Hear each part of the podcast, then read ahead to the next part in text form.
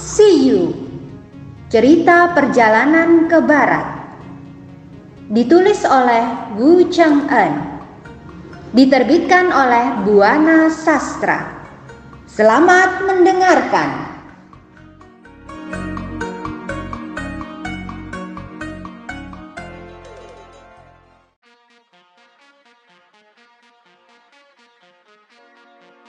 Setelah ada kata sepakat, Wukong segera mengubah kembali dirinya menjadi Yulayukyu.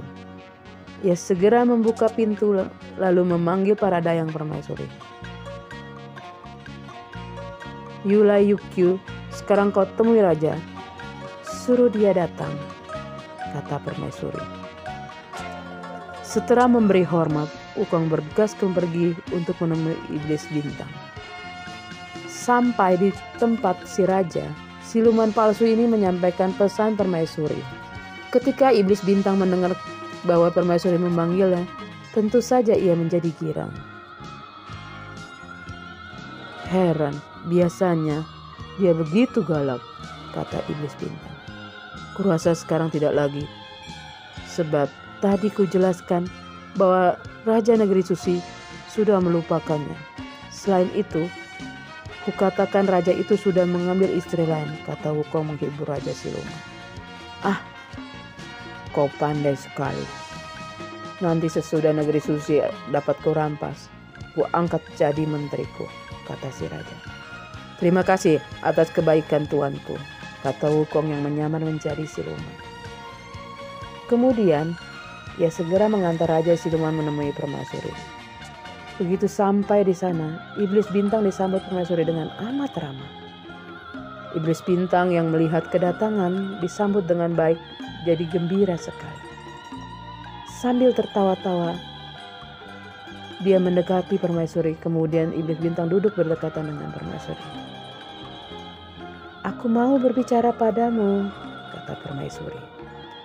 Silakan, apa yang hendak kau katakan, kata iblis bintang. Sebenarnya, aku senang kalau kau suka padaku. Padahal, sudah tiga tahun aku berada di sini bersamamu. Tapi sayang, aku belum berani melaksanakan kewajiban sebagai istri yang baik. Kata permaisuri. Mengapa begitu? Tanya iblis bintang. Semua ini karena sikap raja juga. Aku merasa bahwa raja belum percaya penuh padaku. Dan sebagai bukti bahwa raja belum percaya padaku, kenapa berbagai barang yang hasil rampasan serta mustika itu belum raja serahkan padaku? Padahal, kalau kau benar-benar mencintaiku, seharusnya aku yang menyimpan barang-barang itu, kata permaisuri. Mendengar ucapan permaisuri, tertawalah si iblis bintang.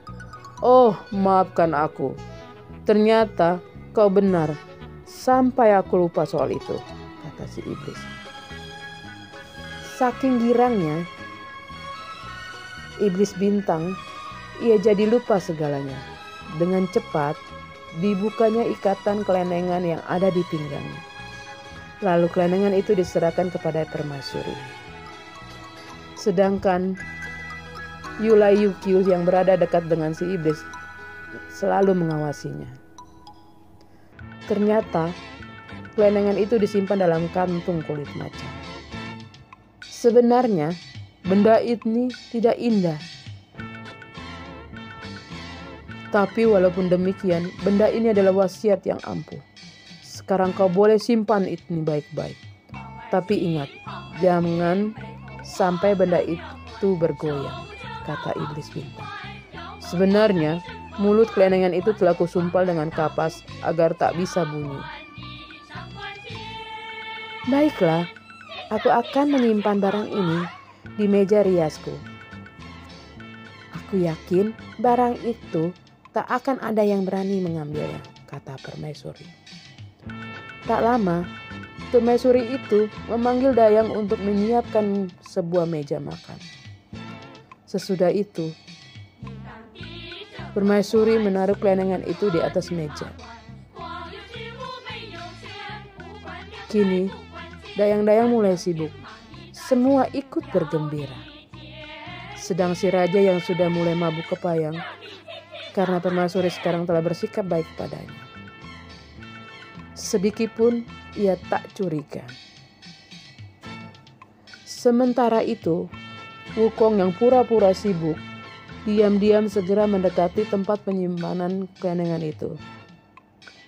Ketika melihat ada kesempatan baik, langsung disambarnya benda itu. Kemudian benda itu dibawanya kabur olehnya. Karena itu, karena tak tahu cara menggunakannya, tanpa pikir lagi, dia cabut sumbat kapas itu lalu digoyang-goyangkan kelenengan itu. Dalam sekejap, api raksasa berhamburan. Anak buah siluman yang melihat keadaan itu jadi kaget. Demikian pula dengan Wukong. Sementara itu, iblis bintang yang sedang bersenang-senang di tempat permaisuri kaget ketika mendengar suara ribut-ribut. Ketika ia keluar, dilihatnya api sedang berkobar-kobar dengan hebatnya. Lukas kalian padamkan api itu, teriak berulang-ulang. Namun ketika iblis bintang melihat si Yulai Yukio sedang memegangi kelenangan wasiatnya, ia kaget sekali. Hai penjahat, kenapa berani benar kau mencuri wasiatku? Teriaknya. Sesudah itu, ia memerintahkan anak buahnya. Ayo lekas, kalian tangkap dia. Dalam sekejap, anak buah siluman itu menyerbu ke arah Wukong. Sementara itu, Wukong yang merasa rahasianya sudah terbuka, segera mengubah wujudnya ke semula. Dengan cepat, ia melempar kelenangan itu, lalu dia mengeluarkan toyanya. Melihat Wukong mengambil senjatanya, iblis bintang juga mengambil senjata wasiatnya. Sesudah itu, disuruhnya anak buahnya menutup pintu gua.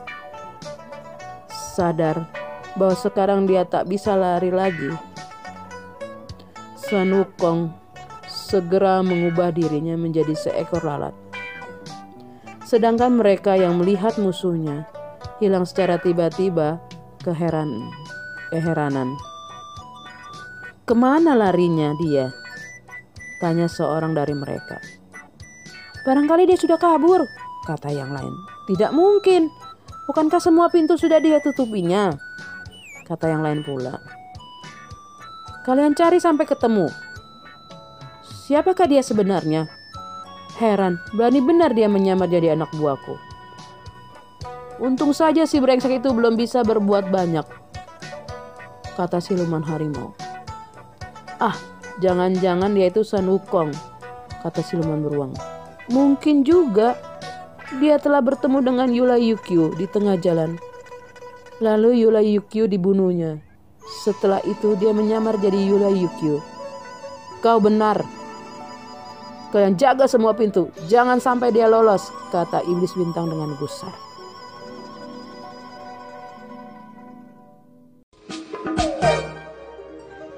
Dengarkan kisah selanjutnya dengan teman membaca yang lain. Terima kasih.